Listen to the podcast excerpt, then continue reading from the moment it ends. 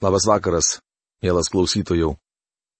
Šiandien mes iš Naujojo testamento vėl sugrįšime į Senąjį. Šiandien pradėsime patarlių knygos apžvalgą. Prieš pradėdama šios knygos apžvalgą ir šios dienos laidą, norėčiau paprašyti Dievo palaiminimo. Dangiškasis tėve, mes dėkojame tau už tavo žodį, kurį turime savo rankose. Dėkojame tau, kad tu jį išsaugojai iki šių dienų ir kad mes, tavo vaikai, galime jį skelbti tavo dvasios gale. Prašome, dangiškasis Dieve, kad tu padrasintum ir sustiprintum kiekvieną savo vaiką, kurį jau esi išgelbėjęs. Ir kad ateitum iširdis tų žmonių, kurie dar nepadarė to svarbaus sprendimo savo gyvenime kad pakaltinti savo nuodėmėse jie galėtų atgailoti dėl jų. Nusigrėždami nuo savo nuodėmių ir atsigrėždami į tave, į tokį, koks esi parodytas mums šioje knygoje. Prašau tavo palaiminimo šiam vakarui, kad tai, ką girdėsim, būtų suprantama, kad apsvarstę tai savo protu, galėtume leisti tavo žodžiui netrukdomai veikti mūsų širdyse, keičiant mūsų gyvenimą. Prašau, kad tu pateptum taip pat ir mano lūpas. Jėzaus Kristaus vardu. Amen. Patarlių knyga vadinama poetinė knyga. Šventajame rašte yra ir daugiau hebrajų poezijos šedevrų. Tai Jobo knyga, psalminas, mokytojo knyga bei giesmių giesmė. Tris iš minėtų - patarlių knygą, mokytojo knygą bei giesmių giesmę, arba dar kitaip vadinama Saliamono giesmę - parašė Saliamonas.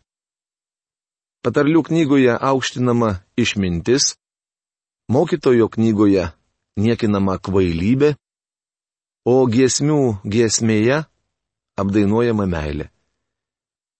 Meilė yra aukso viduriukas tarp išminties ir kvailybės. Saliamonas buvo šių trijų sričių ekspertas. Apie jį Dievo žodyje pasakyta, jis sudėjo tris tūkstančius patarlių, o jo dainų buvo tūkstantis ir penkios, taip rašoma karalių pirmoje knygoje penktos skyriaus dvyliktoje eilutėje. Iš visų jo sukurtų tūkstančio penkių dainų mums prieinama tik viena. Bet o šioje knygoje surašyta tik maža dalis jo patarlių. Jis galėdavo kalbėti apie medžius nuo kedro, esančio Libane iki Izopo, augančio sienoje. Jis galėdavo kalbėti apie gyvulius, paukščius ir žuvis. Saliamono klausytis atvykdavo iš visų kraštų žmonės, siunčiami visų žemės karalių, išgirdusių apie jo išmintį. Rašoma karalių pirmoje knygoje, ketvirtame skyriuje 33-34 eilutėse. Patarlių knygoje įamžinta Saliamono išmintis. Patarlė yra posakis, glaustai ir taikliai išreiškintis tam tikrą tiesą. Tai trumpi sakiniai pagrysti ilgamete patirtimi. Patarlė - lengvai įsimenama forma perteikta tiesa, patirtimi grįsta filosofija, elgesio taisyklė. Patarlė dar vadinamas moralas, sentencija, senas posakis, senas priežodis, gerai žinoma frazė ar epigrama. Knygos esmė perteikta pirmame skyriuje.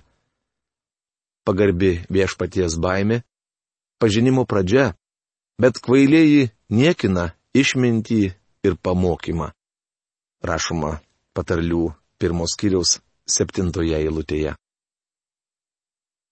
Patarlių gimtinė - senovės rytai. Gali būti, kad daugelį patarlių Saliamonas surinko iš kitų šaltinių. Jis buvo visų jų redaktorius, o kai kurių ir autorius. Tai reiškia, kad prieš mus įkvėptos patarlės, kurias parašė arba Saliamonas, arba kas nors kitas. Tačiau, kai pamatysime, Dievas jas visas užanspaudavo. Daktaras Tirtlas bei kiti tyrinėtojai pastebėjo, jog šioje knygoje antrą asmenį keičia trečiasis. Šie mokslininkai padarė išvadą, jog antras asmuo vartojamas tose patarlėse, kuriomis Saliamoną mokė jo mokytojai. Tuo tarpu tas patarlės, kuriuose vartojamas trečias asmuo, kaip spėjama, sukūrė pats Saliamonas. Patarlės surašytos šioje Biblijos knygoje skiriasi nuo esančių kituose šaltiniuose. Graikai, ypač poetai gnostikai, puikiai mokėjo kurti patarlės. Koledže aš mokiausi graikų kalbos ir išklausiau pagal Oksfordo universiteto programą parengtą kursą.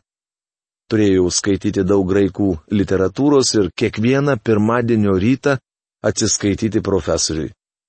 Mokydamasis koledže perskaičiau graikų kalbą visą Naująjį Testamentą, o seminarijoje turėjau padaryti tai dar kartą. Be kitų veikalų graikų kalba privalėjau skaityti ir gnostikų poeziją.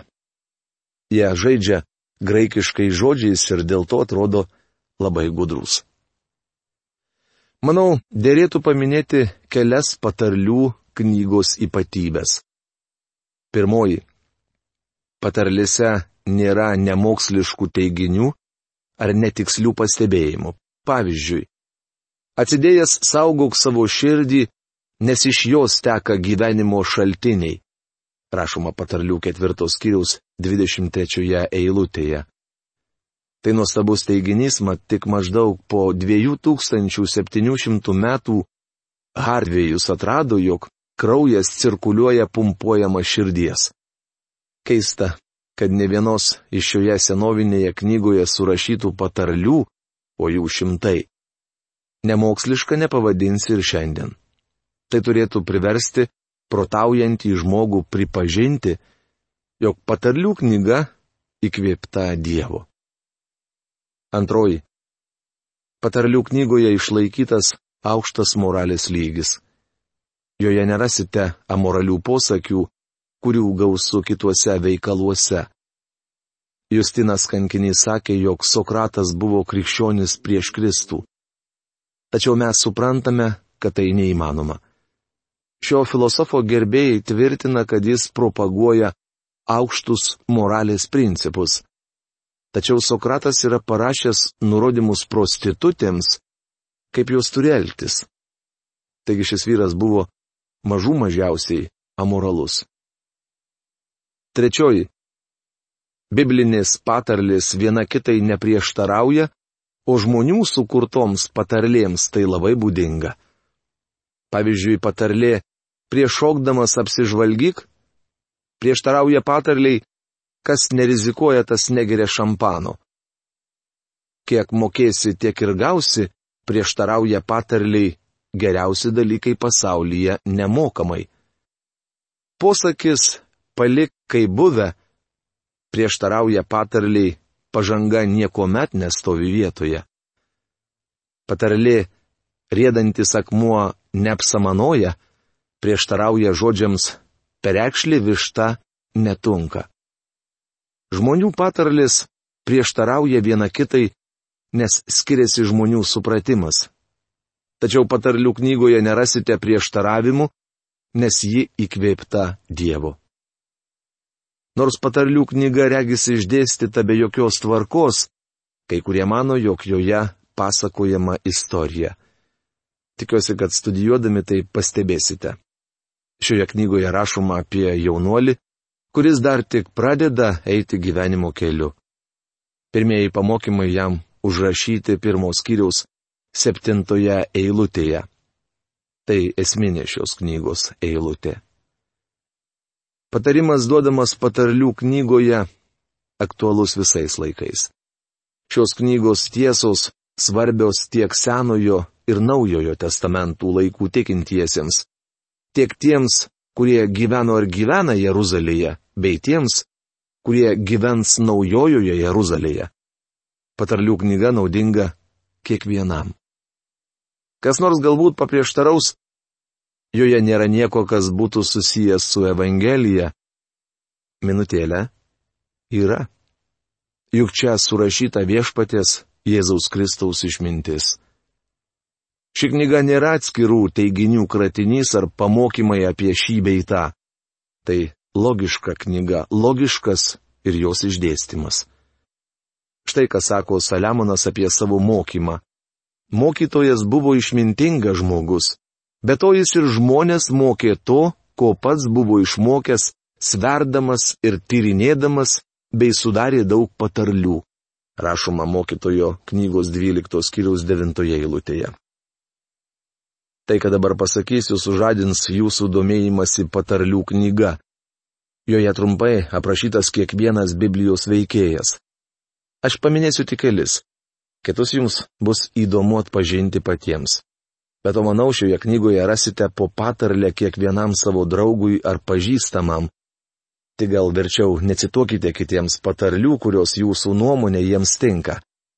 Jei būsime sažiningi, pastebėsime, jog kai kurios patarlės tinka mums patiems.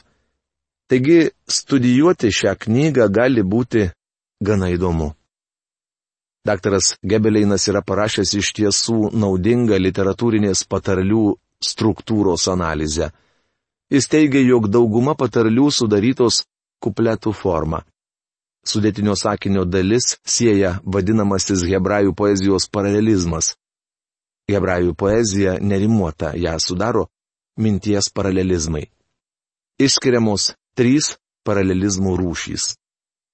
Pirmoji - sinoniminis paralelizmas. Tai atvejis, kai antrojoje sudėtinio sakinio dalyje persakoma tai, kas buvo pasakyta pirmojoje sakinio dalyje. Ta pati mintis išreiškiama kitais žodžiais. Pavyzdžiui, lasda parengta pašaipūnams, o rykštė kvailių nugarai. Patarlių knyga, 19 skyrius, 29 eilutė. Antroji. Antitezinis, kitaip kontrastingas paralelizmas. Tai atvejis, kuomet pirmoje sakinio dalyje išsakyta tiesa paryškinama priešinga tiesa, kuri kontrasto principu išsakoma antrojoje sakinio dalyje. Pavyzdžiui, teisiųjų šviesa džiūgauja, o nedorelių žibintas gesta. Patarlių knyga 13 skyrius 9 eilutė.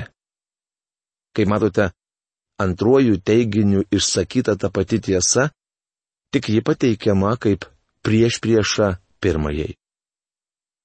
Ir trečioji - sintetinis paralelizmas. Tai reiškia, kad antrojoje sakinio dalyje plėtojama pirmojoje sakinio dalyje išsakyta mintis. Pavyzdžiui, karaliaus rūstybė tarsi liūto riaumojimas. Kas jį supykdo, tas savo gyvastį stato į pavojų. Rašoma patarlių knygos 20 skyriaus antroje eilutėje. Knygos planas. Pirma. Išmintis ir kvailystė. Pirmas devintas skyriai. Antra. Saliamono patarlis. 10-24 skyriai. Parašytos ir surinktos jo paties. Trečia. Saliamono patarlės 25-29 skyriai. Surinktos Ezekijo vyrų. Ketvirta. Agūro.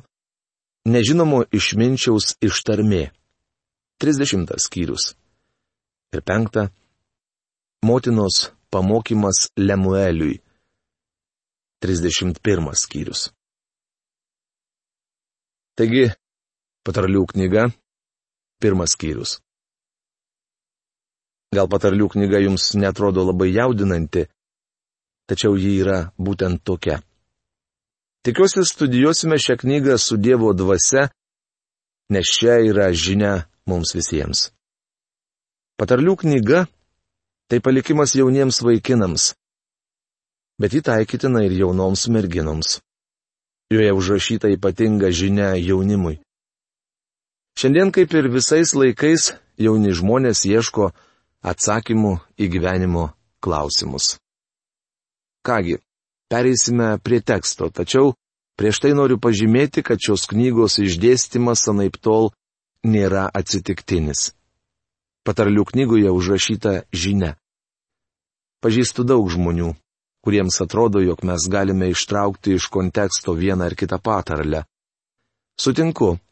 Tačiau svarbiausia, ištraukus patarlę iš konteksto ir išnagrinėjus, padėti į vietą ir pažvelgti į ją kontekste.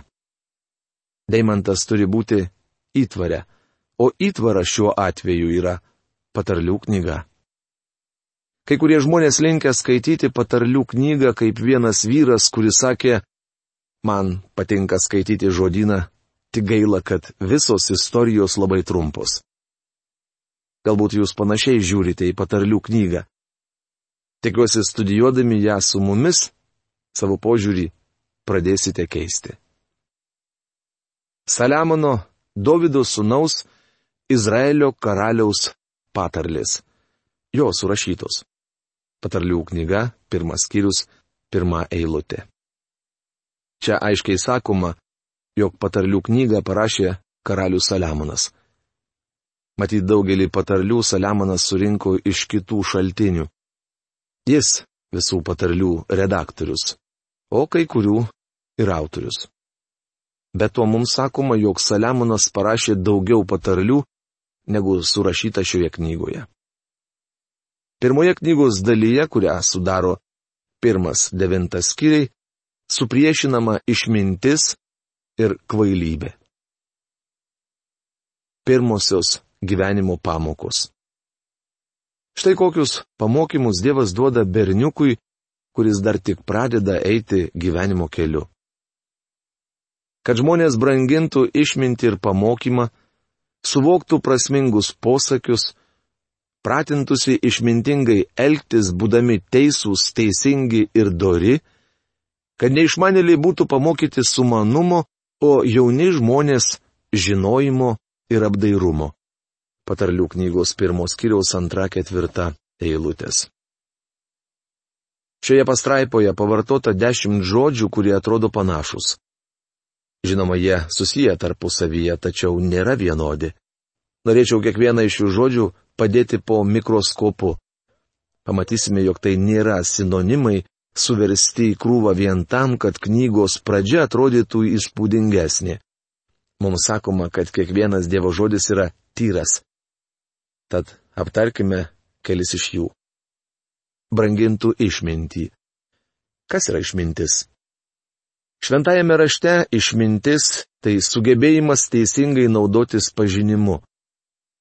Vien patarlių knygoje šis žodis paminėtas 37 kartus. Tai svarbus Biblijos žodis. Primenu, jog jis reiškia teisingą pažinimo naudojimą. Daugelis protingų žmonių turi pažinimą, bet stokoja išminties. Leiskite pridurti dar kai ką. Išmintis Senajame testamente yra tas pats, kas Jėzus Kristus nūdienos tikinčiajam. Jo dėka ir jūs esate Kristuje Jėzuje, kuris mums tapo iš Dievo kylančia išmintimi, teisumu, pašventinimu ir atpirkimu, rašoma pirmame laiške korintiečiams pirmame skyriuje, 30 eilutėje. Atkreipkite dėmesį, kad pirmiausia paminėta išmintis. Kristus yra nūdienos tikinčiojo išmintis. Turėti išminties reiškia pažinti Jėzų Kristų. Paulius savo siekį apibūdino taip. Trokštų pažinti jį, rašoma filipiečiams laiško trečios skyrius dešimtoje eilutėje. Mums reikia, kad troškimas pažinti Kristų persmelktų jūs ir mane. Taigi, išmintis yra Kristus, tai sugebėjimas teisingai naudotis pažinimu. Kristaus pažinimas nėra kvailybė, bet išmintis. Neseniai mačiau lipduką ant automobilio galo. Išmintingieji vis dar jo ieško. Bičiuli, galbūt jūs nesate labai išsimokslinės. Tačiau jei priėmėte Kristų ir jį pažinote, turite išmintį. Pamokymą. Patarlių knygoje žodis pamokymas sutinkamas 26 kartus. Kartais tas pats hebrajiškas žodis verčiamas bausti, pataisyti arba sudrausti. Tai įdomu. Leiskite pateiksiu Jums pavyzdį. Patarlių knygos 13 skyriaus 24 eilutėje pasakyta. Kas gailisi rykštės, tas nekenčia savo vaiko, o kas jį myli, tas pataiso rykštę. Čia pataisyti iš tikrųjų reiškia pamokyti. Taigi žodis pamokymas reiškia mokymą drausminant. Šiandien šitiesa visiškai užmiršta. Mūsų šio laikinėje visuomenėje akivaizdžiai prieštaraujama Dievo žodžiui. Pavyzdžiui, mums sakoma, jog įstatymo laužytojai sodinami į kalėjimą, kad būtų sudrausti ir pakeisti. Tačiau Dievo žodis liepia imtis priemonių prieš nusikaltelius. Visai ne dėl to. Jie turėjo būti nubausti. Jokia kitokia priežastis nepaminėta. Tuo tarpu, auklėdami sūnų jūs turite drausminti jį, nes tai mokymo dalis. Privalote pamokyti jį drausmindami. Jūsų tikslas nėra jį nubausti. Dažnai sakoma, tą vaiką reikia nubausti. Ne, joneliui reikia uždrošti per minkštą vietą. Tikiuosi, uždrožėte jam. Bet kodėl tai darote? Norėdami jį nubausti. Norėdami nubausti? Ne, kad drausmindamas jį pamokytumėte. Šiandien viskas yra supainiota, nusikaltelius mes drausminame, o vaikus baudžiame. Turėtume grįžti prie Dievo plano. Nūdien mokyklose praktikuojami tariami nauji mokymo metodai. O kaip dėl senojo metodo - mokymo drausminant. Jo visiškai atsisakyta. Manau, vaikai turėtų būti drausminami ne tik namie, bet ir mokykloje. Kažkas paklausė vieno tėvo, ar uždrožėte savo vaikams? Šis atsakė, tikindamasis. Štai iki ko nusigyvenome. Vaikai auklėja tėvus. Jie drausmina gimdytojus ir aiškina jiems, ką jie turi daryti. Neseniai girdėjau apie vieną vaikį, kuris atskaitė tėvų ir motinai paskaitą apie tai, kokie jie turėtų būti ir kaip turėtų elgtis. Reikėtų pažymėti, jog vaikinas padarė tai po to, kai buvo suimtas ir paleistas už užstatą. Taip, tėvams reikėjo išklausyti paskaitą, bet tik ne iš jo lūpų. Gerokai anksčiau gimdytojams dėrėjo išklausyti kursą apie tai, kaip auklėti sūnų. Pamokyti reiškia mokyti drausminant. Tai puikiai sugeba daryti Dievas, mūsų dangiškasis tėvas. Manau, jog aš daugiausiai išmokau tuo met, kai jis bausdavo mane. Taip, įgytos pamokos buvo labai įtaigios. Suvoktų prasmingus posakius. Suvokimas arba supratimas yra protinis pažinimas. Akivaizdu, jog Dievas tikisi iš mūsų, kad mes naudosime savo nuovoką pašventintų sveiku protu. Mielas klausytojų pastraipos pirmosios gyvenimo pamokos mes dar nebaigėme ir šių dviejų antros ketvirtos eilučių apžvalgą pratesime kitoje mūsų laidoje, o šios dienos laidos laikas baigėsi. Iki greito sustikimo. Sudė.